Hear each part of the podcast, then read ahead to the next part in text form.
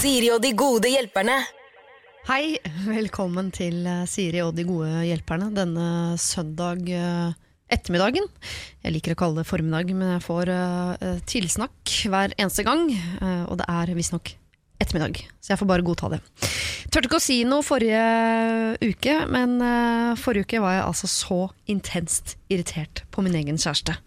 Bedre kjent som lokføreren. Eh, og Grunnen til at jeg ikke ville si det da, var at da var jeg så sint at jeg, jeg vet ikke eh, om jeg hadde klart å få det fram på en sånn noenlunde sympatisk eh, måte. Eh, men nå, som noe av irritasjonen har eh, lagt seg, eh, så klarer jeg å stå fram med hvor ekstremt irritert jeg var. Og det var ikke en, vi hadde ikke krangla, det var ikke en spesifikk hendelse. Eh, så det var vanskelig liksom å si at han gjorde det, og derfor er jeg sint. Men vi hadde hatt mange uker ferie, eh, og en del, ganske mye av den uten noen planer. Bare sånn generell surring rundt i lokalmiljøet. Og da blir, uh, Jeg er ikke så god på det, uh, surring, så da blir jeg gradvis irritert. fordi da har jeg egentlig lyst til å bruke den tiden til noe mer konstruktivt enn å bare surre. Gjerne ferie med familien, gjerne gjøre ting med familien, men det å hver morgen skulle våkne og finne opp noe å gjøre den dagen, og alle bare håper at de andre skal ta tak i å finne på noe, det kan bli liksom gnisninger av det. Og det er rart, dette skjer hver gang jeg blir sur på typen, hvordan jeg automatisk da, istedenfor å ta tak i dette, snakke med en av de menneskene jeg er mest glad i i hele verden, eh, fordi han merker at stemninga er dårlig, han ser at jeg er sur, jeg har ikke pokerfjes når jeg er sinna, eh, men jeg trekker meg unna.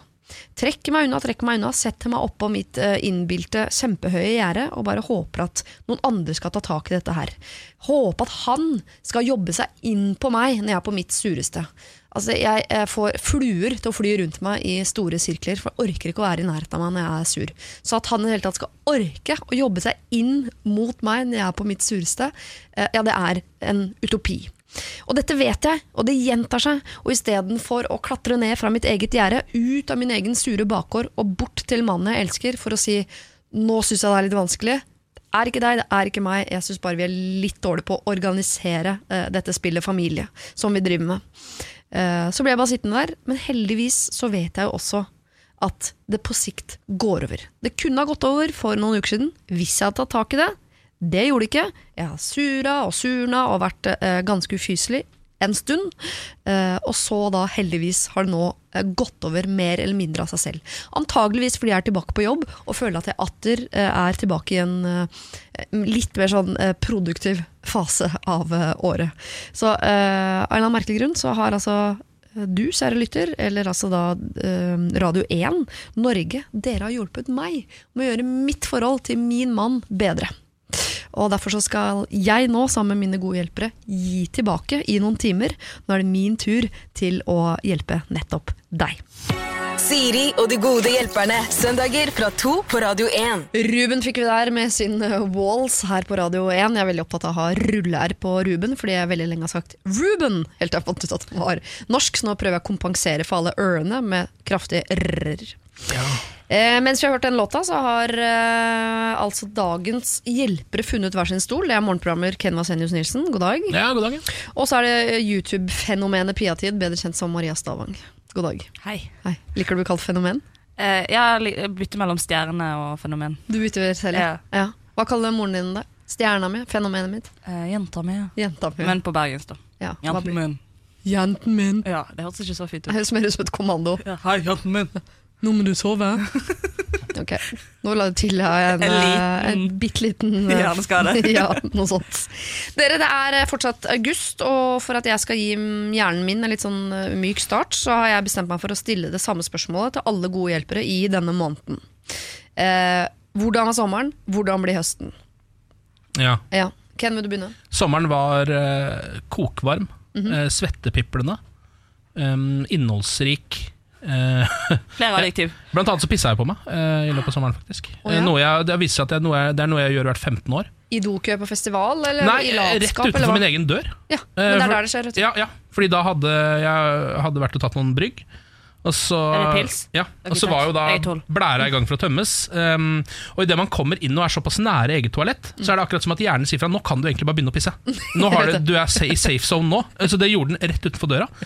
Og et annet problem var at jeg hadde på meg en um, shorts som var så trang at um, i heisen på vei opp så merka jeg jo at uh, det begynte å lekke litt. Ja. Og da tok jeg den ene fingeren foran og holdt så det ble en sånn ballong foran penis. Ja, ja. Og så når jeg skulle opp da og, og låse opp døra, så fikk jeg ikke hånda ned i lomma for å ta opp nøkkelen, fordi den andre hånda hadde fylt opp nedi buksa, så det var ikke plass til mer der. ja du blokka, blokka. deg sjøl. Mm.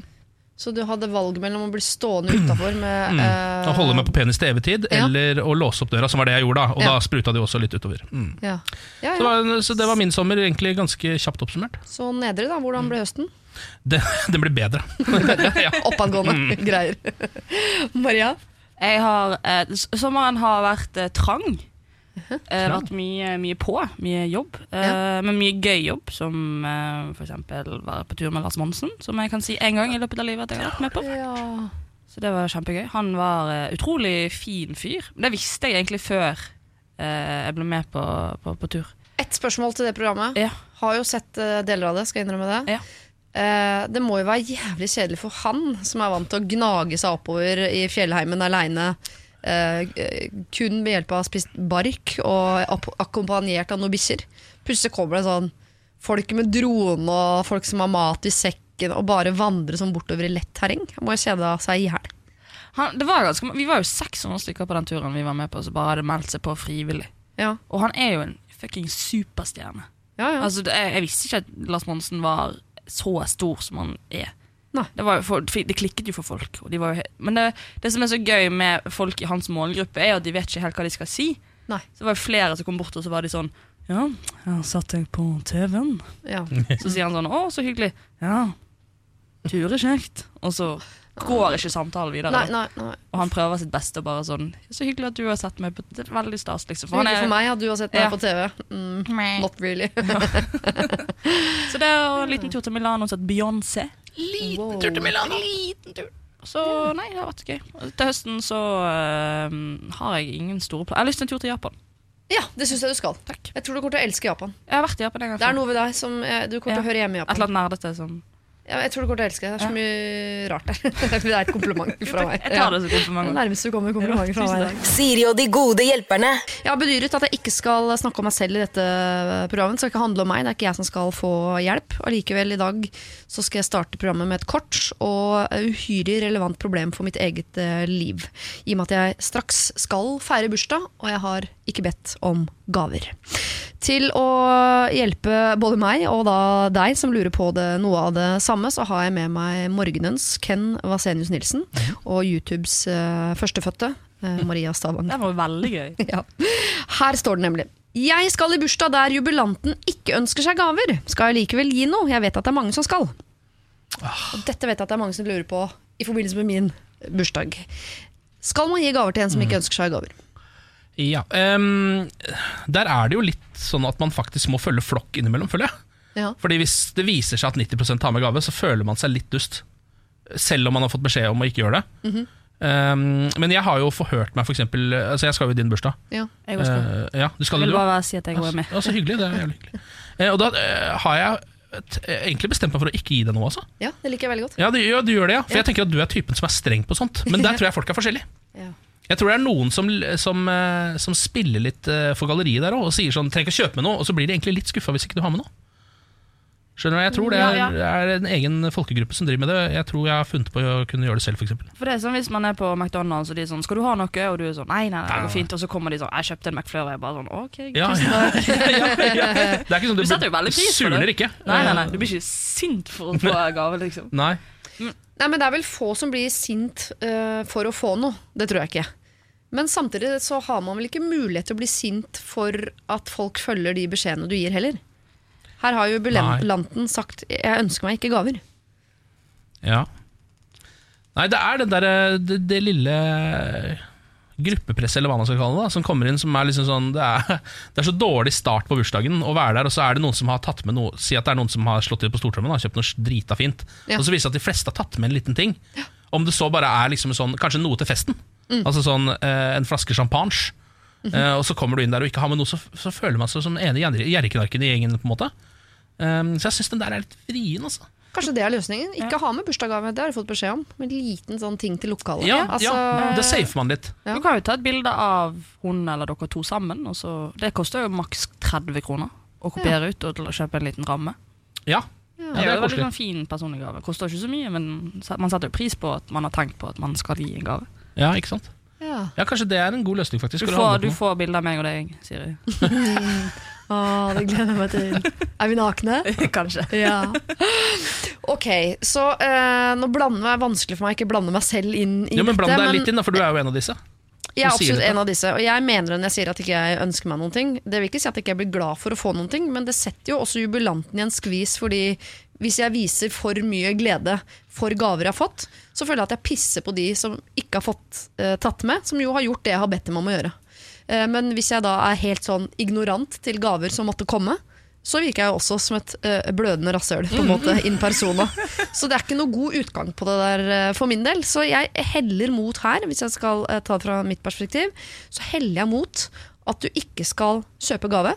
Ikke gjør noe nummer ut av at du ikke har kjøpt gave, men hvis du ikke klarer å stå imot, så ta heller med et eller annet sånn eh, eh, som er til festen-aktig. Mm. Ta med uh, en uh, popkorn, liksom. Ja, Et eller annet.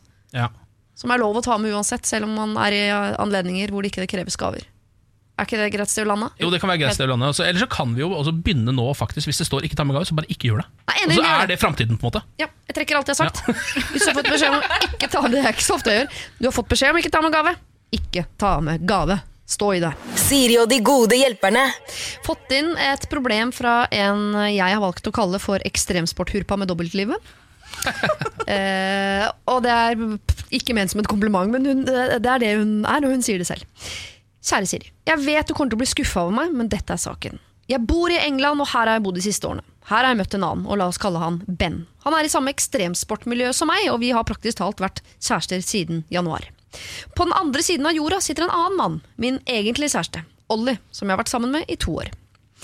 Eh, vi har et avslappet eh, forhold, vi, altså, og vi har en avtale om at vi begge to kan få lov til å ligge med andre jenter om vi vil. Men det er et problem. Et problem jeg nå ser på som karma. Jeg har selvfølgelig klart å få herpes av Ben.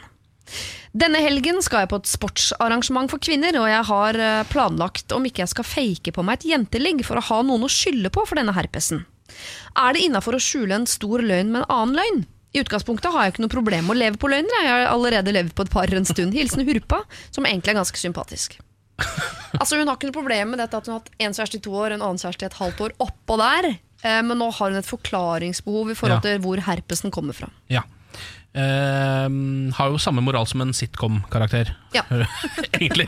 Så det er jo greit å følge. Ja. Uh, ok, men så De har en regel i det forholdet om at uh, han typen kan ligge med andre jenter, og det kan hun også gjøre, men ikke med andre menn. Er det sånn å forstå? Som jo høres ut som en er fryktelig skeiv fordeling. Ja, det tenker jeg også. deal for hunden. Ja, ja, ja, ja. ja det, det høres altså, Hvis han kunne ligge med menn, og hun kunne ligge med kvinner Det er bedre. Det er bedre deal. ja. Eller alle kunne ligge med alle. Ja. Som jo er en deal jeg ikke tror på, men jeg vet at den fins. Ja, Ja. for det, det går ikke. Nei, det går ikke. Nei. Åh, steike ta, ja. Mm. Ja. Fordi hun vil da komme seg liksom innenfor regelverket ved å da påberope eh, denne kvinnen hun liksom da i fantasien sin har ligget med og gitt henne herpes. Ja. Sånn at hun kommer hjem til kjæresten sin, og så sier han sånn ah, faen, du har fått herpes. Ja, men det var bare fordi jeg lå med en kvinne. Ja. Og så er det liksom bare ja, konge, da kjører vi bare på. Ja, for Det er vanskeligere å, å, å stoppe et herpes eh, holdt på å si, Overføre sykdommer fra jente til jente. For det er ikke noe, det er ikke noe kondom Ja, i bildet. Så det det er jo jeg lettere å si at det faktisk har fått det fra en jente. Ja. Men er hun typen da til å ligge med en jente? Det er, hun slår meg som en dame som har uh, ligget med jenter før. Ja. Det er Mm. rart å gå inn i en deal på at begge kan ligge med jenter hvis den ene ikke har lyst. hvis du skjønner. Ja. Det står ikke noe om hvor lenge hun har tenkt å bo i London. Nei, det, jeg tror nå, eh, det er det som er hennes hjem. Jeg tror det er der hun Ja, skal så bo. hun bor på en måte der. Eh, så det vil si at hun har kjæreste i en, et land som hun ikke bor i. Kanskje dette kan være en god mulighet til å slå opp? Og heller bli sammen med herpesmenn? Ja, nå kommer jo han eh, Han skal flytte til henne snart. Å ja! Dæven. Så når han kommer nå for å bo sammen med henne, Ja. så må han vite at han flytter inn med henne, men også lille uh, fetter Herpes, som har Ja. inn. ja. Men hvordan har, altså hun, han, Ben har jo allerede gitt hun herpes. Ja. Det syns jo jeg er litt Det er sånn Vassenstein. Ja. På ja, for han har jo, Hvis hun har holdt på med dette Hun har bodd i England i to år. Ja. Da har jo han, han, har gitt hun det, så han har jo på et eller annet tidspunkt ligget med noen andre, han også. ja. Mm. Apropos å få gaver man ikke har bedt om. Akkurat. uh, men det virker som om hun har ikke tenkt å fortsette å være sammen med han Ben. Nei, okay. Hun er bare på jakt etter en mulighet til å få uh, bortforklart den herpesen. Og hvis hun allerede, Vi må ikke nå gå ut fra egen moralsk uh, kompass, kompass, men hennes, som jo er det der dobbeltlivet, ligger med flere, ikke noe problem for hun. Ja, det er sant, Hun sier jo det. Så det er egentlig det å liksom eh, være moralens vokter og si sånn Da burde du i hvert fall slå opp hvis han skal komme fra Norge og bo hos deg, og dere skal bli samboere i tillegg. Ja, eh, Så er det i hvert fall greit å liksom få rydda Ben og herpesen ut av veien. ja. Um, eller rydda han ut av veien, egentlig. Kanskje han som skal komme og flytte dit. Uh, For vi skal ikke hjelpe nemlig Ollie heller. Nei, vi skal ikke Ben, vi skal bare hjelpe, Hjelpe. Hurpa. ja. Det er hun som ber om hjelp. Og er det én ting vi må hjelpe til med, så er det at hun i hvert fall forteller det om herpesen. Ja. Så ikke den fortsetter å snike seg rundt i samfunnet. Ja. Mm. Og herpes er ikke noe som kureres over natta, så å si. Så Den, Den sitter man med. Den kommer for å bli, den. den kommer for å bli. Mm. Men kommer den for å bli sånn at man merker det hele tiden? Eller går det an å å være i et forhold og ha herpes uten at andre personer merker det? Du kan få utbrudd for resten av ditt liv, og når du har utbrudd, så bør du helst ikke ligge med din partner, for det er da det smitter. Riktig. Mm. Det sies jo nå, hvis du lever i den vestlige verden, at det er verre å leve med herpes enn med aids. Eller hiv, da, antagelig. Aids er sikkert ganske kjipt. Ja, ja, ja. Eh, Men uh, verre å ha herpes sånn i det daglige enn hiv. Sånne kjøttsår. Mm, ja, det er Du kjøttsår. har lyst til å, hvis jeg skulle jeg male det bildet da til deg. Ja, takk, for- takk for det. Men Altså, jeg har hørt rykter om blodig altså, eh, blomkål-lignende utvekster nedover låra og ned mot kneregionen. Men det er mulig det er et overdrevet bilde. Men det, det skremmer jo godt, da. Ja da, Måtte alltid huske kondomen. Syns du ikke Ollie skal få det? Nei. Han har ikke det- ligget med. Ben? Nei, uff. Nei, eh, hun er jo på en måte allerede fucked. Hun har jo herpes. Ja. Eh, og hvis hun føler seg bedre med å si at hun har ligget med en jente så Jeg tror hun kommer til å gjøre det uansett hva vi sier også. Ja. Det virker litt sånn, ja. Ja, Hun, har, hun er liksom sånn Jeg har en unnskyldning, jeg må bare ha en godkjent. Ja, men jeg føler jo Ja. kanskje at uh, ekstremsporthurpa er litt sånn typen som enten ikke sier dette, og prøver faktisk da å skjule det, eller sier det og sier at grunnen er at du har ligget med en jente. Så hun kommer til å ljuge på et eller annet nivå her uansett, virker det som, for det er den typen. ja. Og da ville jeg vel heller ha sagt 'jeg har herpes, jeg har fått av en jente'. Da er det en bedre løgn enn å ikke si det, Fordi da får jo han det. Hun kan ikke leve med denne løgnen i et forhold med Ollie resten av sitt eh, liv, med mindre de velger Altså, Jo, det kan jo selvfølgelig, men hvis hun blir gravid en dag, så er dette typisk ting som du er nødt til å, å si fra om på sykehuset. Ja. Fordi det er farlig for babyen, f.eks. At du har herpes. Ja. Hvis du har utbrudd ved fødsel. Men det er vel også noe hun klarer å si på sykehuset uten at han får det med seg. Tror du ikke det? Ja, Det. Det er jo ikke alle menn som går oppå dama si på sykehuset hele tiden. Slitsom løgn å leve på i så mange år. Eh. Veldig. Ja, si, Men- hun sier at hun har herpes, men si, trenger ikke å si at det hun har fått av en annen fyr. Jeg bare, eh, nå sier jeg jo at vi, det er henne vi skal gi råd, og hun har sin moral osv. Men så er det som du også sier, Maria, hvis hun er ute etter at flere nå skal stemple det passet hun driver og reiser rundt i verden med, som har null moral, så burde jo ikke vi egentlig stemple det. Vi burde si sånn, det greiene du driver med, er jo ikke bra. Ja. Vi vil ikke gi noe stemple i det passet der. Nei. Du har innreiseforbud. Ja, ja vi, burde, vi Ah. burde jo det, men, men da hjelper vi jo på en måte ikke innsenderen. Da. Ja, vi, vi, vi, Vi hjelper verden. henne jo over på den lyse siden. Vi må være litt misjonærer og si at ikke du har funnet Gud. Det, det skal vi Ja. hjelpe deg med. på en måte Ja. Jeg er litt frista til det. dere Ja. Ja, Vi det er enige om én ting. Ja. Det må på bordet at hun har herpes. Ja. Det må forklares. Du kan forklare det ved at du har ligget med en annen jente. Det er løgn. Mm. Eh, det har du ikke problemer med, men du får ikke det godkjent av oss. Vi syns ikke det er greit. Vi tror du kommer til å gjøre det, og det kommer til å funke. Eh, men vi syns at du her skal fortelle Ollie om Ben, og samtidig også si at hvis du får lov å ligge med jenter, så må jeg få lov å ligge med gutter. ja. Så du får noe tilbake også, ja. Ja. Det tror har jeg du må. noen å tenke på. Ja. Ja, jeg er enig. 100 Siri og de gode hjelperne. Søndager fra to på Radio 1. Dere, vi skal en tur til eh, frisøren, eh, sammen med en som gjerne vil bli kalt for Maina. Eh, hei, kjære hjelpere. Jeg er drittlei av å bli tvunget til å småprate med frisøren. Eh, det jeg ser for meg når jeg bestemmer meg for å klippe håret, eh, er en avslappet stund med kaffe, ukeblad, mens noen bare fikser håret mitt. I stedet ble jeg spurt om været, ferien, jobben, hvor gammel ungen min er, og hvordan deres liv er. Altså signerer man automatisk en kontrakt om obligatorisk klein småprat når man bestiller frisørtime. For alt frisøren vet, kan det være nyskilt, deprimert og ufrivillig barnløs. Hvorfor må de alltid avhøre meg i frisørstolen? Jeg vil bare ha fred og ro og en hårklipp. Er det for mye å be om for 800 kroner? Tilleggsinfo, jeg har ingen fast frisør, så jeg vet at dette er noe alle mine forskjellige frisører alltid gjør. Dette er ikke bare én irriterende frisør. Kall meg Maina. Aha. Skjønner typen. Ja. ja, Hvis man skal prøve å liksom sette seg i, eh, sof eller i frisørens uh, sko, for en gangs skyld, så er det jo sannsynligvis fordi at de går jo da syv og en halv time hver eneste dag, hvor de eneste de får lov å snakke med, er kunder.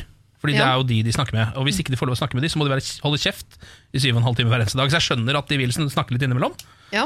Um, men jeg liker jo heller ikke dette selv. Uh, det jeg har gjort for å løse dette, er å uh, lete etter den frisøren uh, Altså lete etter utenlandske frisører som ikke er fra Norge, og helst snakke veldig veldig dårlig engelsk.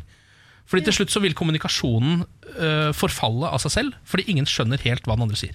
For det er så stakkato, liksom. Det er så stakkato bare- at det, det går liksom ikke. Så det er ikke noe vits uh, å snakke. Han har ikke noe selvtillit på sin engelsk, så han spør meg ikke om så veldig mye. Og jeg eh, svarer bare litt sånn kort de få gangene han spør om noe, og så holder han stort sett kjeft. Det har jeg faktisk klart å finne. eh, En sånn type som kom, Han kommer hjem til meg, en barberer. Ok, Ja. Du glemte å si det fra starten. Han kommer hjem til meg. Han kommer hjem til deg, og dere snakker ikke Ja, sammen. det, man bare gjør ja, ja, han Men- gjør stort sett jobben sin. Det er jo litt som hvis man går inn i en taxi en morgen eller en kveld og er bare sånn Akkurat i dag så orker jeg ikke å si Mm. at jeg studerer det og jobber som sånn og har en bror. Uh, man svarer alltid bare litt sånn OK, ja. Mm. Så får man heller bare ta den prisen at man ser eller hører Som er veldig sånn kald og jævlig, da. Ja. Men det er jo det du må hvis du ikke vil at noen skal snakke med deg. Ja, men taxitur varer jo gjerne bare en fem-ti minutter, på en måte mens en frisørtime varer jo nesten en time. Altså, i hvert Ja, fall det spørs om faktisk skal Jeg har jo uh, sittet fire timer i frisørstol. Hvis Ja, du skal for stripe håret, og da Ja. er det vanskelig å, å holde den Du kan også bare si sånn Hei, kan jeg få et blad? Ja. Ja. Eller kan du ha med deg en iPad? Går det an å sette Ja. på en podkast, og så faktisk ha på hodetelefoner? Det må være lov, det. hodetelefoner, men du kan ha på propper. Du kan Ja, ha på de lille mener proppene som iPhone har nå. Jeg pleier å si at jeg må jobbe, men jeg pleier også å jobbe. da Det er ikke Ja. fake, liksom. Når jeg har med meg Mac-en, så sitter jeg og skriver. Eh, men samtidig tenker jeg eh, det er fint at du drar opp taxireferansen. For jeg har også i mange år har tenkt sånn orker ikke å snakke med taxisjåfører. Eh, eller snakk, ofte er det en pause midt mellom ting. Man må bare eh, få litt ro i hodet og være litt for seg sjøl og sånn. Men de gangene man Jeg er så misunnelig på de menneskene som syns at alle nye mennesker de møter, er så spennende. Ja. At det beriker livet deres. liksom For de gangene man begynner å snakke med frisøren eller begynner å snakke med taxisjåføren, og ikke bare svarer på spørsmål, men faktisk involverer seg i deres liv, så er det i ni av ti tilfeller ganske spennende. Mm. Og man får litt grann bedre energi av det. Så egentlig burde man jo øve seg på å komme i samtale med dem. Den ene frisøren hun jeg gikk til, vi hadde et sånn eh, hemmelig forhold at vi bare Vi snakket ikke sammen. For jeg hørte at hun prøvde hver gang å si sånn Ja, har du gjort noe gøy i ferien, da? Ja. Går du på skole? Altså, hun lurte ikke på det. Så Nei, bare, bare, Mm. dette, var, dette gikk så på repeat. Så du merker også de frisørene som faktisk lurer fordi de genuint er interessert, og de som bare er sånn Det er policyen vår her at vi må snakke Mm. med dere. ja. Så ga jeg henne bare sånn utgang til at det går fint, du trenger ikke å snakke med meg, du trenger bare å fikse håret mitt. Sa du det? Nei, men vi, vi hadde blikkontakt. Ja. Blikket sa det. ja, blikket sa det. Og så slev det litt. Det, burde, altså, det synes jeg generelt er en, Det er en litt sånn uting generelt synes jeg, i på en måte servicebransjen. Eller sånn eksempel folk som selger klær. Da, Mm. At de tror at det å snakke masse med deg er det som gjør deg fornøyd. Og det er jo helt omvendt hos meg. Jeg liker best å shoppe klær på HM, for eksempel, Fordi der er det en policy at du ikke er lov å gå bort og snakke med kunden. Er det det, eller? Ja, Du kan gå rundt og gjøre så mye du vil der inne. Det er aldri noen som kommer til å gå opp til å spørre deg om noe hvis ikke du spør de først. Jeg har ikke tenkt på det. Stemmer jo. Ja, det Aldri stemmer, blitt uh, på en måte snakket til Nei, på HM, de, og det er jo helt nydelig, Fordi hvis jeg er for eksempel på Carlings, så blir det jo sånn at hver gang jeg, Tjenere! Ja, tjenere! Og så hver gang jeg ser at en av de uh, trynene begynner Lukter, å komme bort mot meg jeg, jeg, jeg lukter det, jeg står liksom og ser på en T-skjorte. Og så bare sånn, Denne vil jeg egentlig ha, men nå kommer det en her, så jeg kommer til å gå videre. Så, så går jeg bare til neste rack, og der finner jeg ikke noe, så går jeg. Hvis han hadde ikke kommet bort, så hadde jeg sannsynligvis kjøpt den tingen. Men da er vi eh, samme typen mennesker, men Ja. vi skal jo være klar over at det fins en annen type mennesker også Ja. som vil ha hjelp, og som syns Ja. det og som syns det er dårlig service hvis ikke de kommer bort. og sånn. Så jeg tenker at hvis man, lever, eller hvis man jobber i et yrke hvor man hele tiden kommer i kontakt med nye mennesker, eh, så syns jeg man skal være sånn på og eh, stille spørsmål og liksom være åpne og tilgjengelig, men veldig var for signaler. sånn hvis jeg stiller to spørsmål og svarer kort på begge uten oppfølging, Ja. så fader jeg ut. Men da må man man også legge inn liksom eh, ekstrem sosial kompetanse Ja, i eh, alle de yrkesretningene der, da. og det er jo ikke alle som har den. nei. Men det burde sånn som for eksempel taxi burde, Der er det Nå finnes det jo sånn Taxifix-app og sånne sant, som du kan bruke. Og Der kommer det inn sånn Ok, du vil bli henta her, du blir kjørt dit, og så vil du betale med Vips for eksempel. Du kan velge alle disse tingene. Så kunne det også kommet sånn Vil du bli snakket til? Nei. Ja, ja. Bare kryssa på nei. Så har han bare en sånn Her er det en som har ja, her skal jeg kjøre alle spørsmålene mine. Mm. Eh, Nå kan jeg snakke med masse med han fyren her, for han vil faktisk bli snakka til i ti minutter. Mens Ja. neste person vil ikke det, så da holder jeg kjeft. Da Men jeg kan også si jeg har eh, egen erfaring med at hvis man sier sånn Vet du hva, sorry, det er ikke meningen å være ufin, men jeg bare er masse å tenke på, masse ting jeg må forberede. Sånn. Jeg, jeg trenger, som jeg sier til barna mine, blant annet, og av og til i taxi, jeg trenger å ha hodet mitt litt for meg selv nå. Mm. Som er et ganske tydelig bilde på at oppi der er det kaos. Leave her alone, hvis vi skal komme gunnerne fram. Um, men jeg syns det beste vi kan si til Maina, for dette er jo råd til frisører og taxibransjen der ute Maina kan kanskje ha med en eh, podkast, en Mac, ber med et blad litt tidlig. Eller bare sier rett ut at hun trenger å være litt for seg selv. For sånn hinting Hinting funker Ja, ikke. ikke, du kan ikke blunke i, i speilet. Selv om du har et genuint blikk, eh, Maria, som du har klart å, å sende til en frisør som skjønte alt ved deg, så tror jeg ikke vi skal satse på at Maina har det blikket. Kan det være det brevet jeg sendte henne i posten med blod på? Eller det. Så Maina, vi skjønner at du blir irritert, men du må også vite at det fins noen som er det motsatte av deg. Og frisørene møter jo sikkert tre deg hver dag og fire av den andre typen. Så det er litt vanskelig å vite hvem som er hvem. De burde bli bedre på å ta signaler, det er vi enige om. Eh, Men kanskje du også kan bli litt tydeligere på de signalene du sender. Siri og de gode hjelperne. Søndager fra to på Radio 1. I dag har jeg altså med meg uh, Pia Tid, eller Maria Stavang, som du heter når du ikke er på YouTube. Eh, når du står på en scene og har standup, eller uh, hva du nå driver med ellers. Eh, scenen. Hæ? På scener. På scener? Ja. Eh, og Ken Vasenius Nilsen, du heter vel det Jeg vet ikke om du har noen sånne Jeg har ikke noe alias. Har du noen kallenavn? Mm, nei, det har jeg heller ikke, faktisk. Jeg kan for Kenneth. Nei, det er bare Ken. Ja, kult. Um, jeg har veldig få kallenavn. Det er vanskelig å gjøre om Ken til noe. Liksom, det er så kort i seg sjøl. Ikke Ja. noe behov for å gjøre om det til noe. Har du kjæreste? Nei. Da må du finne en som heter Barbie. Jeg vet. Du har hørt det før? Jeg har faktisk eh, Jeg pleier å Jeg har sett to barbier på Tinder mens jeg har vært der. eh, Og da trykker jeg alltid hjerte. Uansett hvordan de ser ut eller hvordan de virker, så er det alltid hjerte. Ja, for sånn, det, du må jo det. for å få den matchen. Ja. Mm. Ja, men Du kan gå for Cindy òg, for det var jo utfordreren til Barbie. Det er hun med det mørke håret. Ja, Så du skal ikke kimse av Cindy. altså Det er vel et annet selskap enn Mattel, eller er det samme? Ja, Ja, Cindy ja. var inne som en del av Barbie-familien der. Ja, riktig. Kom samtidig som han, broren til Ken, som også hadde litt mørkere hår. Ja, Var han sammen med Cindy, da? eller? Nei, Nei. nei. for Cindy er litt surere enn Barbie. Det, Du er jo mer eh, liv og røre. ja. Ja. Litt mer litt mer fyrig. Fyrig dame. Ok, eh, vi skal eh, til et problem som en som heter Siv har eh, sendt inn. Hun skriver Hei dere. Jeg har nettopp oppdaget at en gullring jeg har arvet av min bestemor, er forsvunnet. Den har ligget på sin faste plass i smykkeskrinet mitt. Jeg er overbevist om at den ikke bare ligger et annet sted, dersom jeg jo ikke bruker den, men jeg har lett overalt. Og dessverre tror jeg noen har tatt den. Denne noen blir vi nå bedre kjent med. For noen uker siden hadde jeg og samboeren min besøk av søsteren hans i to dager. Hun har en historie med å stjele fra familie og venner, men dette er mange år siden. Jeg har snakket med kjæresten min om at ringen er borte, og han nevner hennes navn som mistenkt før jeg gjør det. Han har ikke problemer med å konfrontere søsteren sin, men vi er begge redde for hvordan hun vil reagere. Tilleggsinformasjon. Vi er eh, tidlig i 20-årene. Søsteren sliter ikke økonomisk. Da hun var her, eh, gikk vi på kino, og da vi kom hjem fra kino, så hadde hun veska full av doruller, så Stelling er ikke helt historie. Eh, vi har ikke hatt andre overnattingsgjester på flere måneder. Blir veldig glad for hjelp, altså. Klemme fra Siv. Aha. Ja, ja, ja, det er hun.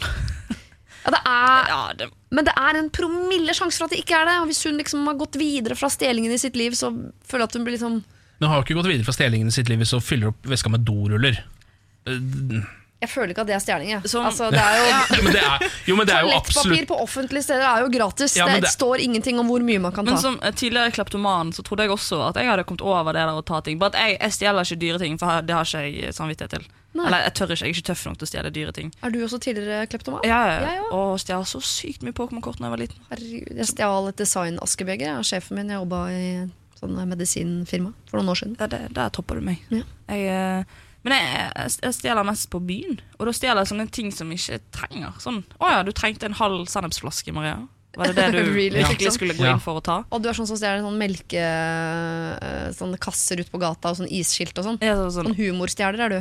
Ja nei, nei, ikke, ikke isskilt engang, for det kunne faktisk vært litt gøy å ha i stuen. Men bare Ja. sånne ting, sånn, hva var det nå, en, en, eh, noen skinnhansker som var jævlig stygge. Så jeg sa, kommer Å, ja. aldri til å bruke disse. Hvorfor skal jeg ta og stjele de? Fordi du kan. Ja, Ja. Så jeg, jeg tror at hun har fått et innfall.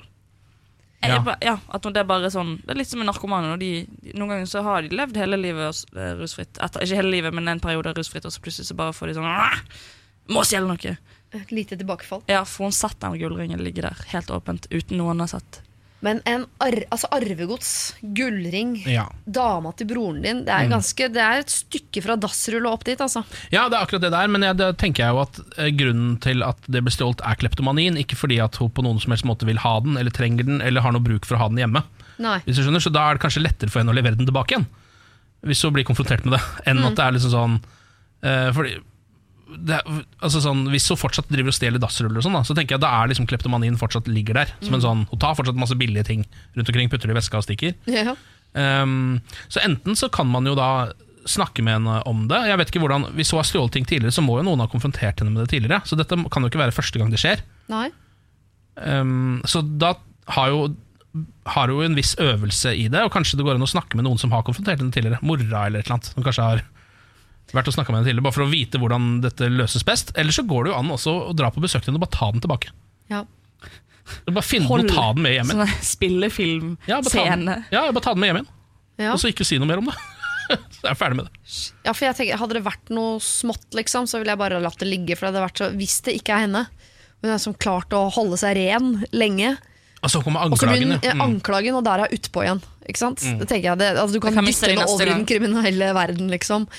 Men en ring som har såpass stor affeksjonsverdi som jeg tipper at den har, det må man liksom finne ut av. Mm. Men jeg er usikker på om det er Siv eller broren som skal ta, ta den konfrontasjonen. Og da mener jeg av hensyn til søsteren. Hvem vil søsteren ha det av? Ja. Men vil, eller, ja, Det spørs jo hvor slags forhold hun har. Jeg ville helt, Hvis jeg var kleptoman og hadde stjålet en gullring, Mm. så ville jeg hatt den konfrontasjonen fra den personen jeg hater mest av de. Ja, Fordi da kan man bare skylde på den at den personen er så bitchy. Ja. Skjønner du, Da kan man liksom bare gjemme seg litt bak det. Um, Hvordan våger du å si 'her ligger han'? Men herregud, hvordan er det du ja, jeg stjal den riktignok, men så kommer du og sier at jeg har stjålet den, og det gjorde jeg jo, men herregud. Ja. kommer bare? Jeg vet ikke, Siv, hvem eh, denne søsteren eh, misliker mest. Om det er deg eller eh, din kjære, altså sin bror. Men kanskje eh, Jeg håper jo nesten at det er deg, for broren er hun jo på en måte stuck med resten Ja. av, av livet uansett.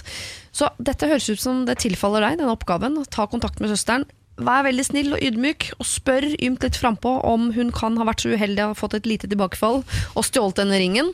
Eh, og så håper jeg nesten at hun har gjort det, og at du får den igjen. For hvis hun ikke har gjort det, da får du sende en ny mail, så skal vi hjelpe deg med hvordan du klarer å reparere det forholdet der. Siri og de gode hjelperne. Mail oss på siri at radio1.no. Vi skal nå hjelpe en eh, jeg vil anta at er blant Radio 1s yngste lyttere. Hun er 16 år. 20. august begynner jeg på videregående. Jeg skal begynne på en skole som er et stykke unna der jeg bor, men jeg kjenner mange som skal begynne der. Vennene mine skal begynne på andre skoler i nærheten, som er nærmere hjemstedet mitt. Vi bor i en middelstor by. Problemet er at jeg gruer meg noe helt sinnssykt. Hver gang jeg tenker på det, begynner tårene å trille, og jeg har mest lyst til å bare droppe ut. Vær så snill og hjelp meg, hva skal jeg gjøre? Tilleggsinfo, jeg går studiespesialisering, og de jeg kjenner skal gå på andre linjer. Digger programmet! Keep up the good work! Tommel opp! Jeg var akkurat lik. Jeg valgte å gå på en skole som lå litt lenger unna enn alle andre. Og så begynte jeg i en klasse hvor jeg ikke kjente en sjel. Ja. Og det går fint. Det går kjempefint. Hvor lang tid tar det før det går fint? Eh, fra jeg spør hei, kan jeg låne en penn hos deg, for jeg var jo dum nok til å glemme pennalet mitt første dag på skolen. Eller smart nok? Eller smart nok. Ikke ta med deg pennal eller mat eller klær på første dag. Hei, kan jeg låne jakken din? Eh, Men det er veldig god sånn starter for å liksom si sånn Ja, hei, kan jeg låne en, en penn av deg? Og hun ble veldig veldig god venn med resten av de tre årene. Ble dere pennevenner? Ja, Det er jo ikke så dumt. Jeg, trodde, jeg tenkte egentlig i starten at for det er jo uh, mange steder i landet hvor man når man begynte på videregående, så må man faktisk, selv om man bare er 16 år, flytte hjemmefra og bo på det stedet hvor videregående skolen er. Det tror jeg ikke, men hun må nok reise et stykke for å komme dit. Kunne begynt på en annen skole nærmere hjemme. Uh, Det farlige her er jo hvis hun dropper ut og heller begynner på en skole som er nærme seg å studere noe hun ikke liker, bare fordi Sandra og Karoline går i samme klasse. på en måte. Ja, Er ikke det verre? Eller skal man bare kose og ha det gøy i ungdomstida? ja, det er det jeg er litt usikker på. Eller bare sånn, Jeg vet ikke hvor viktig den spesialiseringa er eh, allerede på videregående. Jeg er ikke sikker på om det er så forbaska viktig. Jeg gikk jo på liksom økonomi, det hadde jo ingenting med noe jeg gjorde seinere å gjøre. Ja, det har du vel ikke brukt noe særlig? Ikke i det hele tatt. S- men så, samtidig så tenker jeg jo at uh, altså dette her er jo, hun kommer jo til å få masse nye venner. Det kommer til å skje. Altså sånn, Med mindre man er helt totalt sosialt ubrukelig, Ja. så kommer du til å få tre til 20 nye venner Ja. på den nye skolen din. da Og da har du jo allerede de som bor i nærheten av deg, Fordi der bor du jo. Så de kommer du fortsatt til å være ganske mye sammen med, de òg. Ja. Så du dobler jo egentlig bare venneflokken din, hvis du er litt eh, heldig og god. ja, Bortsett fra at uh, det er jo ofte det er jo et eh, veiskille også å begynne på videregående. Fordi Fram til videregående så har man de vennene som er tilgjengelige ut fra geografi, og det kan jo være hva som helst. Og så når man begynner å spesialisere seg innenfor et eller annet felt som man interesserer seg for, så treffer man jo ofte folk som er like seg selv. Mm. Jeg må innrømme at eh, brorparten av mine gode venner i mitt liv eh, har jeg fått etter at jeg begynte på videregående. Ja. Det er ikke mye igjen fra sånn barnehage-barneskole-perioden i livet. Eh, men nei, det er jo bare fint. Jeg tenker at Hvis hun spesialiserer seg i en retning som er riktig, så er det jo mega. Er det en retning som er feil? Ikke så bra, men det går fint, det òg. Ja. Og så er ikke det heller sånn at fordi at du har valgt den skolen, så må du være der i tre år. Det er det var veldig mange i klassen min som valgte å bytte. Og det er bare å si sånn Jeg skal ikke gå her. Skal gå. her. Og det var mange som kom til oss andre året. Ja. Så det er bare å teste det. Og hvis ikke du syns det er digg, så er det bare til å bytte. Ja. Men kanskje man skal gå inn med holdningen på at jeg skal, jeg skal i hvert fall gå her Ja. i et år, eller noe sånt. Fordi det er klart at jo, så Vi skjønner at det er ubehagelig og at man er nervøs, men man kan jo ikke slutte å gjøre ting som er ubehagelig og som man blir nervøs av. Det går jo ikke. I hvert fall ikke som 16-åring. Da kommer du til å få et ekstremt kjedelig liv. Ja, og så er det bare noen få år, eh, tre eh, vel eh, egentlig, etter det så skal du jo ta det store valget, det store spranget, og flytte ut sannsynligvis til en helt annen by for å liksom spesialisere deg på noe enda rarere igjen. Um, og da er det jo altså, Jeg tr- jeg tror ikke det gjør noe at man liksom allerede da har en sånn øvelse i det. da At man ikke er så hjemmegrodd, hvis man skal si det sånn. Uh, Da blir jo den overgangen mye enklere. Når du plutselig skal flytte til Bergen og gå på universitetet der, eller noe sånt, og ingen av de andre vennene dine skal det, for de skal selvfølgelig gå på BI i Oslo, eller hva faen. Ikke sant? Ja. Sogndal. Ja, ja, ikke Ja. sant? Eh, Så jeg hadde jo den, jeg husker da mitt, liksom, min verste flyttetur, sånn rent psykisk, som jeg grua meg mest til, var da jeg flytta til Volda eh, for å gå på høyskolen der oppe. Fordi jeg kjente ikke en kjeft som skulle være der. Det er et bitte lite sted, det er langt hjemmefra, alt var bare dritt, syns jeg. Men det er de beste årene jeg har hatt, liksom. Eh, Det ser man bare ikke komme. Alle som har gått på Volda, eller gått i Volda, har sagt det samme. For det er jo bare Ja. én svær folkehøyskole. Ja, det er litt det det blir, da. Ja. Um, men det blir jo litt av den samme følelsen som man har på, på videregående, for der også knytter man seg veldig tett og lett til mennesker, da. Mm. Uh, på samme vis. Ja. Så jeg, jeg er ikke sikker på om det her liksom, det er bare jeg tror, jeg tror frykten er mye verre enn følelsen din etter dag nummer tre, f.eks. eksempel Så lenge du vet at dette er et veiskille, at du antageligvis får deg masse nye gode venner, at du antageligvis kommer til å fortsette å ha de vennene du har fra før, at det ubehaget i starten antageligvis kommer til å gå over ganske fort, og gjør det ikke det, så har du selvfølgelig alle muligheter til å kjøre full retrett. Så jeg syns ikke du skal eh, Jeg synes ikke du skal grue deg for mye, for det hjelper liksom ikke å grue seg. Det er typisk mammating å si. Eller som jeg sier til barna mine, det er ikke farlig å være redd. Det er ubehagelig, det er ikke farlig. Du må bare gjøre det. Begynne på skolen. Og eh, har det gått noen dager uten at du har med egen penn, så er jeg helt sikker på at du har fått deg Og uten bukse, så er jeg helt sikker på at du har fått deg masse nye venner. Siri og de gode hjelperne. Demi Lovato sammen med Clean Bandit Solo heter uh, låta. Uh, jeg prøvde å gi noe info om Demi Lovato for en uke siden i dette programmet. Siri og de gode hjelperne. Eh, altså, men jeg manglet informasjonen jeg trengte for å gi informasjonen. Jeg lurte på om hun var syk. Ja. Hun er jo bare narkoman. ja da. Ja. Ja, stemmer det. Nå har vi fått vite hva han tok, hva han tok overdose på. Nei. Vi sa det var heroin, men det var visst ikke det likevel. Nei, Nei. det tror jeg faktisk ikke jeg har fått med meg hva det er. Er hun på beina igjen? Ja, jeg tror det er delvis, iallfall. Ja. Mm. Åh, det virker så flaut å være narkoman i offentligheten. På en måte. Ja. Ja. Kunne bare slutte å være kjendis. I hvert fall når man har sånn, litt sånn Disney-image, så virker det sånn enda verre, nesten. synes ja. Hvis jeg først skal liksom gjøre noe som ikke er bra for meg, så vil jeg ikke ha vitner. Da skal jeg langt inn i Maridalen. Helt aleine. Skal noen finne deg der Ja, syv år etterpå. Der var Siri Kristiansen. Dagens hjelpere er eh, YouTubes Piatid, Maria Stavang, og morgenens her på Radio 1, eh, Ken Vasenius Nilsen. Eh, vi skal hjelpe sosiale Klara. Hun skriver Hei dere, en dame på 28 år som trenger litt tips. Altså ikke hjelp, men tips. Dere vet forskjellen. Jeg er i fast jobb og har en flott kjæreste, men kjæresten min jobber skift og er derfor bortreist to uker av gangen. Drømmeliv, spør du meg! jeg bruker stort sett av disse to ukene på å se på serier og savne han. Det er dumt og litt patetisk. Derfor trenger jeg tips til hva jeg kan bruke denne tiden på. Jeg driver litt med musikk, og jeg liker å trene, men jeg skulle gjerne hatt noe litt mer konkrete aktiviteter og hobbyer som er kun lystbetont, noe trening ikke alltid er. Så hva skal jeg finne på? Mhm. Her, det er rimelig åpent spørsmål, og jeg er ikke ute etter hjelp, bare tips. Ba ja, ikke hjelp, bare tips, ja. Ehm, Hva liker du å fylle tiden? Nå liker jo du eh, det der med serier, da, og Ja. jeg vet ikke om du sitter og savner noen, men nei, eh, jeg gjør ikke det. Det er jo det. Jeg elsker å være aleine.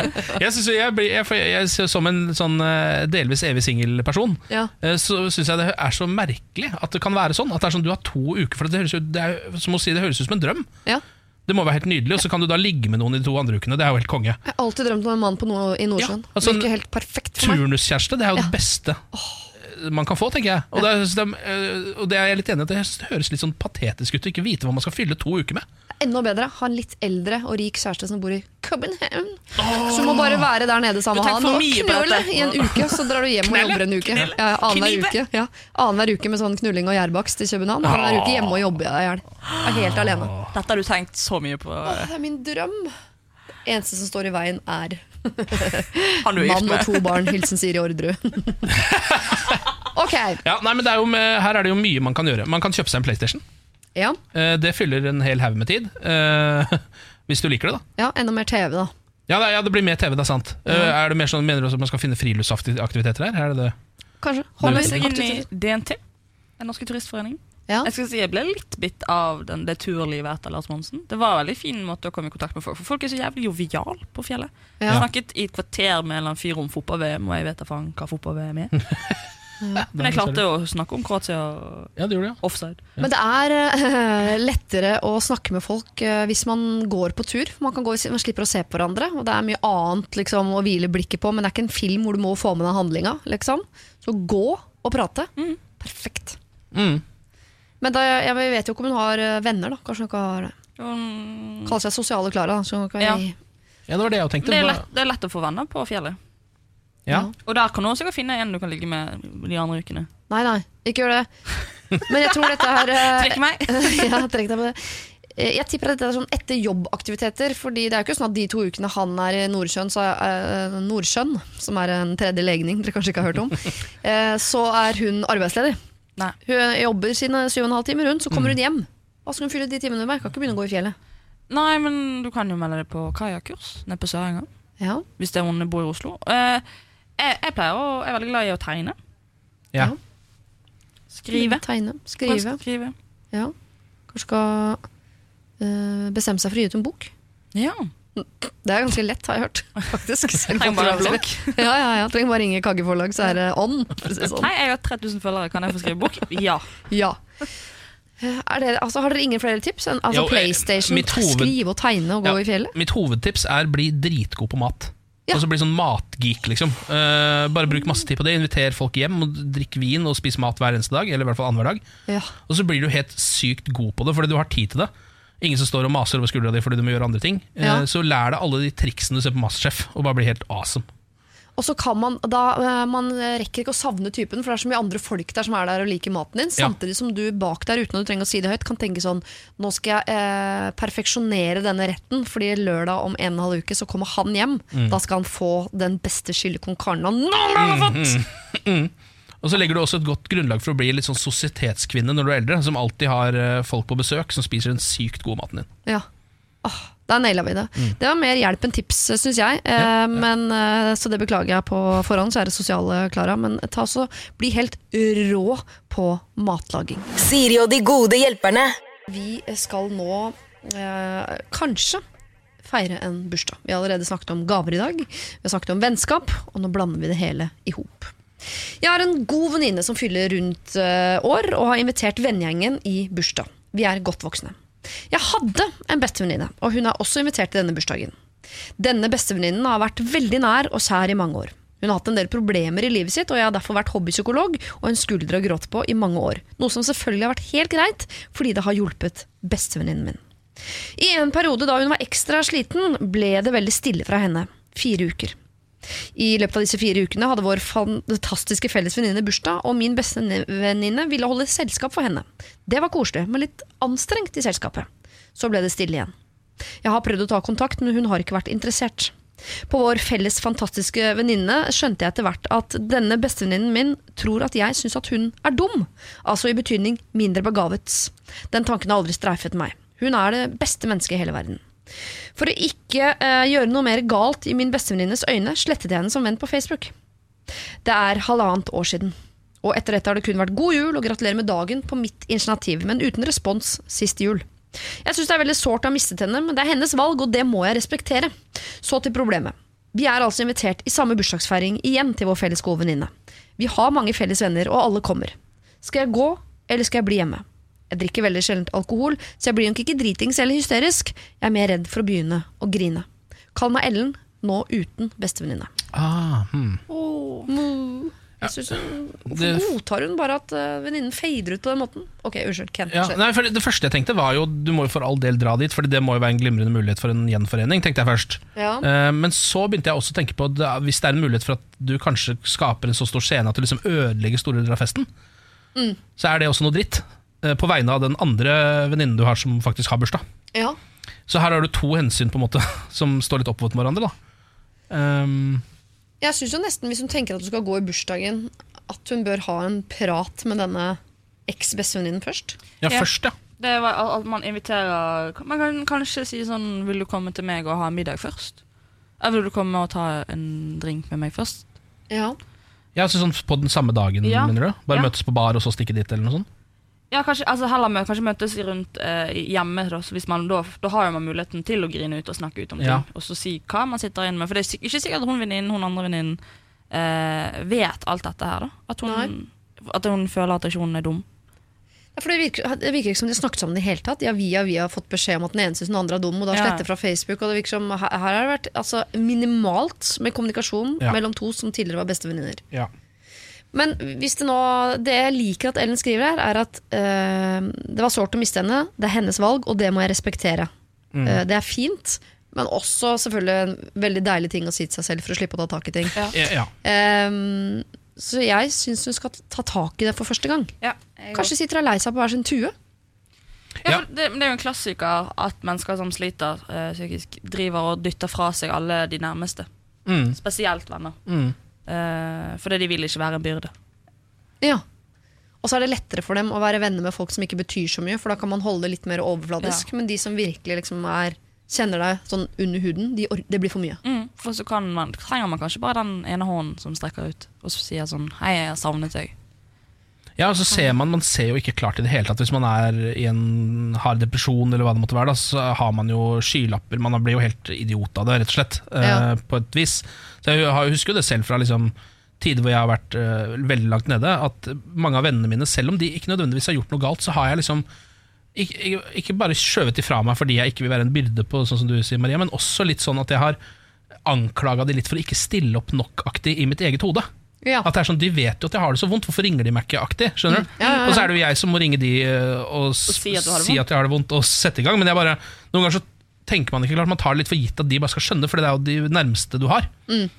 Så derfor så liksom eh, kan det bare gå eh, altså, lang lang tid uten at man har noe kontakt med dem. Mm. Og det er egentlig ikke noe valg. Det er ikke sånn at Jeg tror ikke hun har tatt et valg. Jeg vil ikke møte uh, Hva het hun? Klara? Eh, nei, Ellen. Klara var hun eh, megasosiale. Mm, ja, Mm. ja. Jeg vet ikke hvor mange ganger jeg skal få sagt dette i mitt liv, men jeg, kommer til å fortsette å si det en milliard ganger til. At uh, vennskap er en Det er ikke en gave du kan sitte og sutre deg til i det stille. Det er ikke noe du bare får uh, som en klapp på skulderen etter eh, lang og tro tjeneste. Det er en jobb som må gjøres fra begge parter. Eh, og hvis Ellen, hvis du sitter nå og savner bestevenninnen din, så må du gjøre en jobb for å skaffe deg bestevenninnen din igjen. Du kan, du kan ikke bare sitte i det stille og håpe at ting skal ordne seg. Nei, Jeg er på en måte uenig med henne om at det er et valg eh, som hun har tatt. For jeg tror ikke den andre parten har tatt det valget. Jeg tror ikke det er noe valg på den måten Jeg tror det bare har blitt sånn. Ja, Eh, via via en hel haug med idiotiske omstendigheter. ja. Så har de endt opp der, da. Og så har det gått såpass lang tid at ingen av de som har tørt å ta ut den Ja. ene hånden. Ja. For det er, jeg tror det er bare det som trengs. Og begge sitter kanskje litt med den stoltheten nå, at det er sånn Da må du ringe. Ikke sant? Som er Ja, ja. veldig klassisk. Hadde, Man må ikke slippe stoltheten inn i Nei. gode relasjoner. Jeg hadde to, to venninner som hadde ikke samme situasjon, men det var, liksom, det var noe der, og de hadde ikke vært venner på veldig lenge. Så treffer de begge to eh, hverandre igjen på eh, legevakten. Og begge går i akutt gråt og bare snakker ut på venterommet og er bestevenner igjen. Ja. Så det, det, var, det var ingen som hadde gitt De fikk da den muligheten til å liksom se hverandre igjen og få snakket ut om ting. Ja. Kommunikasjon er Begge tror den andre har tatt et valg osv. Sitter man med sitt eget hode på sin egen tue og lager eh, konspirasjonsteorier på hva som har skjedd, og så vet man egentlig ingenting. Jeg, vet, jeg, jeg, jeg ser for meg at det er lurt å møtes på forhånd. Jeg. Ja. Sånn Den dagen eller litt før, kanskje. Det spørs når dette er. Det kan jo ta en egen helg og henge sammen en fredag. liksom Ja. Ellen, vi syns ikke at du skal miste denne bestevenninnen. Vi syns du skal gå i bursdagen. Eh, kanskje ikke lage en scene der, for husk at det er dagen til den andre venninnen din igjen. Eh, så treff henne på forhånd om det er snakk om en eh, Pepsi Max på en lokal bule før bursdagen, eller om det er en dag i forveien, eller hva. Det, det får du bestemme selv hva du er komfortabel med, men strekk ut en hånd og se om du kan reparere noe av dette, sånn at det blir lystbetont for dere begge å gå i denne bursdagen, kanskje sammen. Siri og de gode hjelperne. Søndager fra to på Radio 1. Vi eh, skal over i et ekseproblem. Men før jeg leser mailen for dagens hjelpere, så tenkte jeg å høre litt om deres erfaring med eh, ekser, og om det fins noen ekser der ute man ikke klarer å glemme osv. Eh, dagens hjelpere er eh, morgenens eh, Ken Vasenius Nilsen og eh, YouTube-fenomenet Pia Tid, Maria Stavang. Maria, begynner med deg. Har du en eks du ikke klarer å, å glemme der ute? Jeg har jo aldri vært i et forhold. Er det sant? Ja, Jeg har aldri vært sammen med noen lengre enn kanskje tre-fire uker. Det er en eks, det. Ja, ja, vi, altså Idet man ligger sammen, man kan da si at det er en eks. Lå dere sammen i tre-fire uker? Ja, I strekk? Hver dag.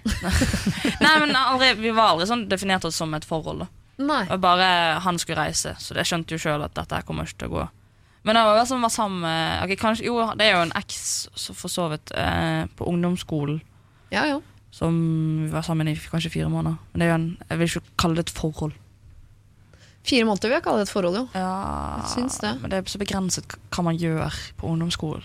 Jeg tenker fortsatt på han jeg var sammen med i tredje klasse. Ja. Innimellom. Ja. Ja. Ja, vi, var sammen, vi var sammen i tre år, da, fra tredje til sjette. liksom Tenker på han innimellom. Må innrømme det. Men da vil jeg heller si at mennesker som jeg har blitt avvist av, sitter dypere enn de menneskene jeg har holdt på med. Å, Ja. gjør du det? Ja, ja. Har du noen sånne The One That Got Away? Å ja. Men da er det jo på en måte ikke the one that got away hvis de har avvist deg. Da er det jo den du prøvde deg på som Det ble ikke noe der. Ja men det er så Jeg føler det The One. That Ran Away. Ja, ja, ja, ja. Men jeg syns det kan såre mer å tenke på han enn tenke på de andre. ja det kan såre mer. Ja, det, Ja, det, ja, det, nok det, enig i. det er dypere, sånn, dypere savn, da. Mm. Fordi du, vi var veldig gode venner, og så skjedde det et eller annet der som ikke skulle skje. Mm. Og så Men fordi avvisningen er tøff, eller fordi du tenker at vi to hadde jo vært perfekte, du bare veit ikke? Ja, Det var den. Men jeg sa jo det også til han, at akkurat det. Ja. Og så sa han jeg ser på deg som en venn. Jeg er veldig glad i deg, men det er ikke oss. Og så Mm. blir jeg sånn Ok, men da er det alt eller ingenting. Det er litt som sjokolade. Hvis jeg skal slutte med sjokolade, så kan jeg ikke spise noe. Nei. Hvis jeg skal slutte med han, så måtte jeg bare sånn Ja, men da kan ikke jeg være være venner med For det er for tungt for meg å være med deg og vite at At jeg ikke kan ha deg, da. Så dere er Ja. ikke venner i dag? Nei. Men da vi, Nei. Eh, jeg traff han Det er ikke sånn at vi hilser og sånn, liksom. Det er ikke, Ja. Men jeg traff han eh, for noen år siden, helt tilfeldig ute eh, på, i Bergen. Og så var sånn Hei, hei, så hyggelig. Ja, og du må hilse på Katrine, den nye kjæresten min. Fuck you! Ja, og, det, og det første var sånn Jeg er penere enn hun. Det var det første jeg tenkte. ja, ja, ja, du går rett over til sånn mm, hvorfor, hvorfor hun? Hvorfor ikke meg? Hvorfor tok ikke du meg? Ja. Jeg er her. Å, Og da har det gått mange år siden, og det er fortsatt, da ligger det liksom og ruger bare sånn. Og det skal ikke mer til enn en bitte lille dytt før du er tilbake der du var for fire år siden. Ja, hos meg så dukker det ofte opp også sånne liksom, gamle ting. Ja. Altså, sånn, uh, hun jeg liksom var sammen med da jeg var sånn 18-19. Ja. uh, som jeg husker at jeg liksom dumpa på litt sånn douchey vis, fordi man er litt douche når man er 18-19 noen ganger. Eller jeg var i hvert fall det. Ja. Uh, og det er sånn som dukker opp nå som jeg på en måte har fått eh, empati med årene. For man har jo ikke så mye empati når man er yngre. Det er jo forska på det der. Tenåringer sånn er helt elendige på empati. Jeg lurer på om Empati er den, eh, det trekket ved mennesker som i størst grad kan endre seg etter fylte 18. Ja, ja, ikke sant? Um, så nå skjønner jeg jo liksom Nå tenker jeg mye på det at herregud, for dust jeg var da. Men det er Ja. mer, mer det enn sånn der jeg tror Det kunne blitt oss, for det, det kunne det på en måte ikke blitt. Um, så det er mer sånn at de, de gangene hvor jeg har gjort noe feil, de, uh, tenk, det tenker jeg ofte på. Det er det som dukker opp. Ikke, jeg har ikke så mange som er sånn derre um, Å, herregud, vi burde fortsatt, jeg burde ringe henne nå. Kanskje det er en sjanse fortsatt. De har jeg liksom ikke så mange av. Det burde vært oss, liksom. ja. Ja. Ok, Jeg skal lese uh, mailen som er uh, sendt inn, så skjønner dere hvorfor jeg spør om nettopp dette. Eh, I september i fjor ble det slutt mellom meg og kjæresten. Det var han som gjorde det slutt. Bruddet kom veldig brått for min del, og jeg fikk egentlig aldri en forklaring på hvorfor det ble slutt. Vi møttes igjen på en fest i januar, der begge ble ganske fulle. Og utover kvelden endte det opp med at vi klinte. Etter det begynte vi å prate litt igjen. Etter en stund foreslo han at vi kanskje skulle prøve på nytt igjen, og jeg, litt skeptisk, gikk med på at vi skulle prate sammen igjen, og se hvordan dette kunne utvikle seg videre. Jeg er bekymret for at historien skal gjenta seg, og det ender med at jeg sitter igjen knust. Men jeg er jo fortsatt glad i han, og jeg vil jo veldig gjerne at dette skal fungere. Han er veldig sosial og prioriterer helst en kveld med gjengen framfor en kveld med meg, eller gjør noe bare oss to. Men når vi først er sammen, så har vi det veldig, veldig fint. Mine venninner syns han er en idiot, og syns ikke han behandler meg godt nok. Mamma har også et veldig anstrengt forhold til han. Vi er ganske forskjellige, og ganske forskjellige prioriteringer har vi også. Han er partygutt, og jeg ser for meg at jeg vil stifte familie om ikke altfor lenge. Jeg flytter til samme by som han nå denne høsten pga. studier, og jeg har også vært på besøk hos han noen dager nå nettopp. Det har blitt en del sengekos og lite prat om det vi faktisk bør prate om. Han har veldig vanskelig for å snakke om alvorlige ting eller følelser. Så skal jeg komme meg videre og heller beholde han som en venn, eller skal jeg gi oss en ny sjanse? Det hadde vært øh, veldig fint med svar. Kall meg Oda. Stressa jente, 20 år. Skal Oda altså gi sin ekskjæreste en ny sjanse, eller skal hun komme seg videre? Det kan dere tenke litt eh, på mens vi hører Pink, What About Us. Siri og de gode hjelperne. Mail oss på siri at radio1.no. Oda har sendt inn en mail der hun eh, forteller om sin ekskjæreste, eh, som igjen er på banen. Hun er skeptisk fordi det forrige bruddet var veldig uventet, så det kom ikke noen forklaring på hvorfor. Han er dårlig på å snakke om følelser. Venninnen hennes er ikke så fan av han, heller ikke hennes mor, men nå skal de denne høsten flytte til samme by, og hun er altså usikker på om hun skal gi han en ny sjanse som kjæreste, eller bare beholde han som venn. Hva tenker du er det lureste for Oda her, eh, Maria? Jeg eh, er optimistisk. Jeg tror For jeg har de det siste hørt veldig mange historier som har gått sånn som det der, og så har de blitt sammen igjen, og så har det endt bra. Folk som har skilt seg eh, og møtt hverandre igjen tre år etterpå, og blitt sammen igjen og giftet seg på nytt. da Ja. Til og med flere eksempler på folk som, eller sånn venner av meg som har vært utro. Uh, vært utroskap, Ganske sånn eh, stygg utroskap. Og nå har de det kjempefint. Ja, Og har hatt det i mange år. jeg tror det har et eller annet med okay, Nå har du liksom prøvd dette ute. og Du har liksom, ok, ta det sånn, ok, En kake, da. Du har bakt denne kaken. Han var ikke så god. Han var, det er sånn Du spiser kaken, men til neste gang du skal bake den kaken, så vet du hva som er feil. Ja. hva du må gjøre på nytt. Du er veldig klar over problemene dere har hatt i det forholdet. Og at du må da også stille krav. For Hun må jo ta denne preiken med han og si sånn Sånn er greien. Uh, dette må vi gjøre annerledes. Dette må du bli bedre på. Har du noen krav til meg? Det var du som slo opp med meg. Hva var det, hvor- det er sånn, hvorfor også? For det, det, å, å bli, det å bli dumpet og ikke vite hvorfor, det er jo det verste. Ja. Jeg har så mange venner Ja. som har mistet kjæresten sin Eller blitt dumpet av kjæresten sin, og så er det sånn Jeg vet ikke hvorfor han dumpet meg. Og så tror man man skåner hverandre ved å bare fortelle deler av sannheten. Altså, Det Ja. er ikke deg, det er meg-aktig. Jeg tror man, Det er vondt å si det, det er vondt å høre det, men jeg tror man skal etterstrebe seg å være ganske sånn ærlig og tydelig på akkurat hva det er som gjør at eh, du ikke ønsker det forholdet videre, sånn at man kan lære av det. Og så at man kan komme seg fortere over et brudd, nettopp fordi man ikke sitter med de spørsmålene der. Ja, Men samtidig så vil jo nesten ingen svar være tilfredsstillende. da Altså fordi eh, Grunnen er jo så, veldig ofte sånn Jeg er ikke så forelska i det lenger. Jeg tror det er noe, be noe annet for meg der ute som kan være bedre. Det er jo på en måte det som er svaret Ja. veldig ofte. Ja. Um, og det er jo liksom det, Selv om man får høre det, så hjelper man eller sånn, Det er liksom ikke god nok grunn, det heller. Jo, men heller sånn, jeg er ikke forelsket i deg, det kommer ikke til å bli oss, hverken nå eller senere, enn den typiske sånn «Nei, Akkurat nå så øh, trenger jeg litt Ja. tid for meg sjøl, men kanskje om fem år. Som er den klassiske Ja, ja, ja, brudd. Så går man de fem årene og tenker sånn Ja, ja. Nå nærmer det seg fem år, Ja. vi skal Uh, ringer han! Ja. Men jeg hadde eh, en venninne som tok den preiken med eksen sin to år etter at han hadde gjort det slutt. Og hun var sånn Jeg er et helt annet menneske. Jeg, Ja, det hjalp. Ja, for hun sjøl hadde gått rundt og ikke hadde klart å komme i nye forhold igjen. Ja. Fordi hun var så usikker på seg sjøl og det å være sammen med andre mennesker. Ja. Hun har ikke visst det, men hun har hatt det litt i bakhodet, så gikk det opp for henne idet hun hadde fått tatt den snakken med han eksen. Ja. ja. Uh, ja. Men så er det jo ofte generelt sånn at når det er et brudd, så er det ikke fordi det er noe gærent med den ene. Det er jo bare To veldig gode ingredienser kan jo bli en forferdelig vond kake, liksom, hvis vi skal Ja. holde oss til kake som metafor ja. her. så så øh, det er så rart at man blir sittende igjen etterpå og tenke sånn Hva er det som er gærent med meg? Ikke noe gærent med deg. Men så tenker jeg også at det er jo å dele med den kaka man ikke får forandra også. Selv om man er klar over hva som er gærent, mm, ja. så er det ikke sikkert man klarer å bake det noe bedre neste gang. på en måte Eh, Men det jeg henger meg litt opp i her, kjenner jeg, det er jo um, at hun er veldig keen på familie ganske snart. Ja. Han er partygutt, Ja. som det sies. Um, akkurat den delen av han tror jeg ikke du forandrer ved en samtale. da Nei. Så liksom hvis det spørs, det spørs, De to ingrediensene der blir ikke en god kake. det blir ikke en god kake. Nei. Det er to helt totalt motsatte ingredienser. Ja. Selv om marmorkake funker jo det, da. Altså. Nei, jeg syns ikke det. Men jeg lurer på om eh, vi må gi henne et slags sånn kompromiss. At eh, vi eh, ikke at dere to sammen er dødsdømt. Men hun kan ikke gå inn etter forholdet her uten å virkelig ha stilt han til veggs på hva gikk galt forrige gang. Hva er det du vil med fremtiden?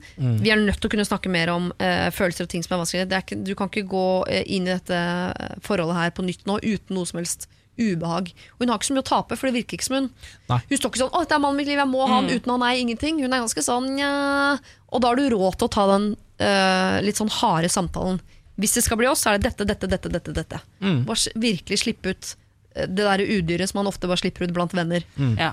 Og også, da må man også vite at man kan bli meget skuffa. For det kan godt hende Ja. at han eh, snakker henne etter munnen på alt dette, Ja, og så viser det seg tre måneder inn i forholdet at det funker ikke allikevel. Og det er ganske kjip ja, ting å oppdage da, da når du liksom allerede egentlig har tenkt sånn nå har jeg gjort alt rett. ja. Men du har jo Eh, prøvd, Ja, det har du prøvd, og da. Og da sitter han og slipper med et sånn anger etterpå. Sånn, å, det kunne vært oss. Ja, kanskje. Men det kan også hende hun sitter igjen med sånn eh, en slags følelse av håpløshet. Hvis du Ja. skjønner. Fordi Ja, hun har liksom gjort alt riktig, tatt de rette steg, gjort de rette tingene, og allikevel så ble det ikke noe bedre. Men mister man ikke litt lyst da òg? Hun virker jo ganske sånn, eh, voksen til å være 20 år, i og med at hun allerede nå tenker at hun vil ha familie og Ja. den pakka der. Mister jo litt lysta på typen eh, hvis man prøver å ha en alvorlig samtale om uh, framtiden og hva gikk galt, og prøver å ha en liksom, samtale med en type som ikke klarer å svare, liksom. Ja, man kan godt han klarer å svare der, men så bare følger han det ikke opp selv. Han lever ikke etter det etterpå. Jeg ser, for meg at noe sånt kan skje. Fordi hvis han er keen på å bli sammen med henne igjen, da, Ja, ja. så kan det hende han bare liksom tar alle de tingene Ja, ja, for mye, ja, det kan sikkert være ålreit om noen år. Bare sier, sier alle de tingene som vi vil høre, da. ja. Men så viser det seg at det er totalt håpløst allikevel down the road. Ja. Men uh, sørg for at han sier en del, for det er veldig typisk, kjenner meg veldig godt igjen, uh, at en del sånn krangler og samtaler som jeg tror det er, eh, som jeg har med min uh, lokfører for våre samtaler er ofte monologer fra meg, Ja. og lyd Ja, fra ja. han. Så jeg, både, jeg krangler meg inn i den og forklarer meg ut av den, tar skylda. Og jeg har stått for regi, skuespill, hovedrolle, birolle, lyssetting og sceneteknikk for hele jævla shebangen. Mens han har bare sittet på første rad med popkorn og lagd lyd og klappa de gangene det trengs. liksom. Ikke sant? Så du må på en måte eh, prøve å få sannheten fiska ut av han. Stille han åpne spørsmål som, hvor han ikke vet hva som er det rette svaret. Ja, Vær psykolog. Ja, vær psykolog, rett og Ja. slett. Vi, eh, jeg sier det igjen, jeg dødsdømmer ikke dette forholdet, Oda. For all eh, del, alle fortjener en ny sjanse, også de fleste forhold. Eh, men han kan ikke gå gratis inn i dette. Han kan ikke være publikummer inn i dette forholdet. Her må han rett og slett levere litt på forhånd. Siri og de gode hjelperne. Siste problem i Siri og de gode hjelperne i dag skal dere få servert. Det er da Maria Stavang og Ken Vasenius Nilsen som skal hjelpe en far med et økonomisk problem, på en måte.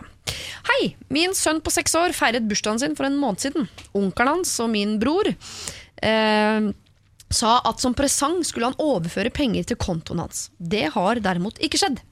Jeg syns det er stusslig å ikke ha med presang på bursdag til et barn. Og skal man gi penger, så må det være fysiske penger. Men nå, hva gjør jeg? Skal jeg etterspørre pengene, eller skal jeg la det ligge? Som søsken er vi ikke sånn veldig åpne med hverandre, og er ofte mer indirekte enn rett fram. Han er ganske ironisk til ting og følsom for kritikk. Så skal jeg ta det opp eller ikke, og i så fall hvordan? Hilsen lett konfliktsky. Ah, ah. Ehm, Jeg tenkte først at det var to personer. Onkelen hans og min bror. Nei. Men det er jo da det, er samme mennesket. Bare for å oppklare det. Det er sikkert flere der ute som Ja, men det kan hende. Ikke sant? Man er aldri dummest. Det vil jo virke, er det ikke, vil det ikke virke litt smålig å liksom ta kontakt med han og bare de pengene du sa du skulle føre over, osv.? Altså, det er jo smålighet på begge sider her. Eh, Det er jo en som ikke har ført over pengene, men er, det ikke en litt sånn, er ikke det en litt sånn ra, mm, vrien konfrontasjon? Fordi penger som på en måte går til en seksåring, går jo på en måte også til hans far. Skjønner, du? Jeg skjønner at seksåringer skal bruke de, Ja. men, men de går jo inn i liksom en sånn Det er jo ikke sånn at han kommer til å råde over de midlene alene. Nei. Eh, men det kan jo hende han sparer til noe, f.eks. Ja. Ja. til en større presang. ja. Ja. Det er ofte sånn at Hvis man ønsket seg som liten at det kostet litt mye, og så var det sånn, ja, men dette er fra din onkel, tante, bestemor, bestefar, mormor og morfar. ja. Og så mangler han de siste liksom, for å skrive onkel på den gavelappen. ja.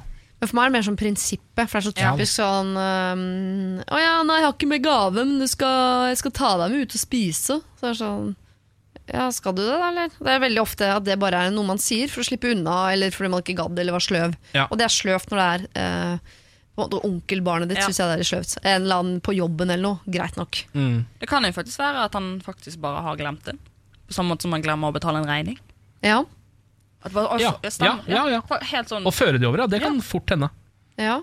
Men Da har jo Vips gjort oss en kjempetjeneste. Har jo, Vips har jo hjulpet oss konfliktsky med nettopp det der. Man trenger ikke å ringe oss inn, man kan sende en sånn reminder på Vips. Ja, Men kan man ikke gjøre det da med et lite sånn blunkesmiley? Eh, bare sende den av gårde. Men da må man jo selv si hvor mye man skal ha. da Det er kanskje litt vrient. Der har jeg skrudd mye, til ganske greit. Tror jeg. ja, for man vet ikke hvor mye onkel hadde tenkt å gi. Nei. Sånn i utgangspunktet Du kan ta utgangspunkt i det han har gitt før, kanskje. Ja, Ja. Hvis han har gitt noe før. Jeg har tatt 100 kroner året. jeg. 600 kroner, rett inn. 100 kroner året, ja. Ja, ja. Bare for å gjøre det enkelt. Ja, ja, men det er ikke så dumt, det. Men fordi jeg synes det er så rart det der Når det kommer til penger, så er det alltid, altså alltid sensitivt å snakke om penger. Mm. Det er så rart at det skal være flaut for den som ikke har gjort noe galt, å snakke om penger. Sånn er det veldig ofte med at man skylder penger eller lånt penger. Og sånn, så er det flaut for den som har lånt bort penger, å minne den som egentlig har gjort det idiotiske her, Ja. om nettopp det. Men her er det jo på en måte i en eh, enda vanskeligere gråsone, fordi det er jo heller ikke gjeld å kreve inn, fordi det er jo en gave. Ikke sant? Man kan jo ikke kreve inn en gave. På samme måte som man kan kreve inn penger som du har lånt. Uh, Men han, det er jo et løfte, da. Han, bryter, han har jo Ja. sagt at han skal Ja, han skal det, men samtidig så er på en måte e- altså sånn, Da legger vi på en måte til grunn at det er tvang å gi en seksåring en gave. Altså at du, du er tvunget til å gi en gave til noen, og det er man jo egentlig aldri. En sånn gave skal jo alltid være komme fra, Lystbetont. ja, Ja. lystbetont, komme fra det gode hjertet. Sånn, I hvert fall sånn i prinsippet. da. Så Derfor så er det så vanskelig på en måte å um, Å gå inn etterpå og kreve den inn som om, uh, som om du er en uh, pengeinnkrever, på en måte når det er noe som egentlig skal komme fra hjertet. Ja. Jeg bare hører hva jeg sjøl ville ha gjort her, liksom. I og med at de har en sånn ironisk og ikke så veldig uh, åpen og direkte måte å kommunisere på. Så hører jeg meg sjøl litt sånn uh, surt. Uh, jeg hadde satt inn pengene sjøl til sønnen min. Latt som det var fra onkel. Jeg hadde ljugd for eget Da barn. blir det plutselig sånn at han skylder deg de pengene. Da så hadde jeg sagt til onkel sånn Jeg satte over de pengene ja, som du ikke klarte å gi til det eneste Ja. onkelbarnet du har. Ja. ja. Han begynte å spørre etter dem. Han har jo så lyst på også et eller annet som han ønsker seg. Ja. Vi måtte kjøpe inn en gave nå, for han har jo faktisk bursdag. Ja. Ja. Så vi, jeg bare skrev det. Og så er jo det en veldig fin påminner om at du bør overføre de pengene. Ja. Og sånne folk kan trenge noen litt sånn, uh, vennlige hint i forkant av fremtidige bursdager. og Sånn. Husk at barn setter veldig pris på ting de kan se. da. Ja, ja, men det kan være lurt, Ja. Fordi det kjenner jeg meg selv. Jeg kan jo ikke sånn kjempemye om barn, så jeg kunne sikkert også ha funnet på å bare sette over penger. Altså Ja. til å vippse penger til et barn, liksom. Jo, men jeg tror det er hard cash in an envelope som gjelder når Ja. det kommer til kids. Altså, Ja, ja, ja. Vips og greier, Ja, Det skjønner de ikke. Nei, nei, det, det skjønner jo jeg også nå. Men, farger. Ja. ja. men det er jo det er også det med at det er, nest, det er ganske vanskelig å få ut cash i disse dager, faktisk. Du må liksom på en måte Det er vanskeligere det enn å bare stikke og kjøpe noe et sted, nesten. Ja, Eh, jo, jo. På en måte. Men de er så enkle at de til og med blir glad for eh, 100 kroner i mynt enn i lapp, for det ser mer ut. Altså, Ja, vi er ja, der. ja, ja, ja, Vi er der. Ja. Ikke glem Du det. kunne gitt han pantepengene dine, så hadde han vært fornøyd. på en måte Ja, ja, Du kan ja, også sende melding og si sånn Hei, hva ønsker han seg? Er det noe spesifikt? Så slipper man å ta ut penger. Kan Ja, man- ja det, er jo, men det er jo det han burde ha gjort på, i forkant her. Men, men jeg kanskje er litt enig med deg, Siri, at det går an å s- si sånn Nå satte jeg over eh, Det trenger ikke være så mye, da, si 300 kroner. da Bare Ja. for å være Så satte jeg over 300 kroner på kontoen hans. For du vet jo Han er jo så sykt keen på den nye He-Man-borgen. Ja. Eller hva folk leker med nå. He-Man-borgen, det er gøy. Og så, og så skriver du bare sånn eh, Så setter du bare på et lite smiletegn og prøver å være ra- raus. på en måte Eller sånn, Du kan jo sette over hvis du, hvis du har det. Det er ikke noe stress. Jeg bare sånn, Hei, jeg regner med du bare har glemt de pengene du skulle gi til Ja. onkelen. Jeg har bare slappa, liksom. Jeg har satt inn Mm. pengene, så nå er det meg du skylder penger. Mm. Ja, jeg, synes, jeg er enig. Ja. Jeg tror vi gjør det. Ja, men Er ikke det praktisk og fint å gjøre det sånn? da? Jo, jo, jo. Og du, eh, kan, det der kommer du unna med også som konfliktsky. Altså du, det er Ja. ikke en konflikt, du gir bare en hyggelig beskjed om at du nå har løst hans problem. Mm. Du har satt inn pengene, du har vært raus og hyggelig. Eh, og så får vi håpe at han gir deg de pengene i andre omgang, da. Og Ja, gjør han ikke ikke så- det, så er ikke det så farlig. Det viktigste her er at barnet får, får gaven sin. Ja, og prinsippet at han lærer prinsippet. Da har du liksom vunnet på begge fronter. Ja. Lykke til eh, med det, og for framtiden prøv å ha en noe mer direkte kommunikasjon og mindre ironisk kommunikasjon med din bror. Da. Det kan jo lønne seg på sikt, det kommer jo et arveoppgjør osv. Siri og de gode hjelperne. Søndager fra to på Radio 1. Og det er altså tid for at jeg skal dele ut noen handlenett. På disse handlenettene står det Radio 1, det står Siri og de gode hjelperne, og det står sånn 'heia deg' og litt sånn motiverende ord som man kan ta med seg ut i livet og fylle med hva det nå måtte være. Vi går jo inn i en sånn hard studieperiode nå, så øh, bøker eksempel. Perfekt å ha i disse handlenettene. I dag velger jeg å sende da et handlenett til eh, ekstremsporthurpa med et dobbeltliv. Altså hun som er sammen med Ollie, men har fått herpes av Ben. eh, Og nå vurderer å late som hun har ligget med en dame for å si at det er denne dama hun har fått herpes av. Ja, For det var lov i det forholdet. Det var lov i det forholdet. Så mye. Jeg sender til deg, Maina, som syns det er eh, slitsomt at hver gang du går til frisøren, så blir du tvunget til å småprate med frisøren, og du er altså på jakt etter en utvei derfra. Siv har eh, mistet en eh, gullring som hun har arvet av sin bestemor. Den har rett og slett forsvunnet, og både hun og kjæresten mistenker at det er søsteren til kjæresten som var på besøk for to uker siden, som har stjålet den, da hun har en historikk eh, som kleptoman. Vi har deg på eh, 16 år som skal begynne på videregående, og som gruer deg fordi du skal begynne på en videregående hvor ikke du kjenner noen fra før. Klara, eh, du er eh, helt uten hobbyer, og to uker hver måned så er kjæresten din eh, på jobb, Nordsjøen eller et eller annet, og du trenger noe å drive med. Der har vi jo allerede sendt på et slags kokkekurs, men du skal også få et handlenett. Ellen har mistet kontakten med sin aller beste venninne. Nå er de bedt i samme bursdag, og hun er usikker på om hun skal gå, i frykt for at hun begynner å grine. Så har vi da Oda, som har en eks hvor det ble slutt uten at hun helt skjønte hvorfor. Nå vil han tilbake, men hun er skeptisk. Helt til slutt her, denne faren som uh, har en sønn på seks år som nylig har feiret bursdag. Onkelen ga visstnok penger, eller han ga dem ikke, han sa han skulle gi. Det har han ikke gjort. Kan han kreve inn pengene? Alle dere får altså et handlenett, og i tillegg skal du, uh, Maria Stavang, få lov til å gi ut et handlenett til valgfri person med valgfritt innhold. Jeg eh, gir eh, mitt handlenett til en eh, venninne som heter Martha. Mhm. Hun har fått lønn i dag, Ja. så hun trenger jo noe å handle i. Hun sa det var lenge siden hun har fått så god lønn. For hun har vært litt sånn frilans og sånn. Ja. Så oppi der så skal hun få øl, truse, rein truse. Jeg synes Det kjedeligste i verden er kanskje å vaske truse. Er det Ja. det første du gjør når du får lønn? Er det å kjøpe deg rein truse? Nei, oppi handlenettet skal hun så hun slipper å vaske sin egen truse. Så hun bare lever litt den dagen. Da. Ja. Mm. For det å gå og vite at du har rene truser, er sånn digg. Ja. Er det bare Øl og reine truser. Det er, Det er veldig, da har all du, sett, ja, du liksom. trenger ikke noe mer. da. Nei. Ja. Så fordi hun generelt er gøy, gøy et menneske. Ja.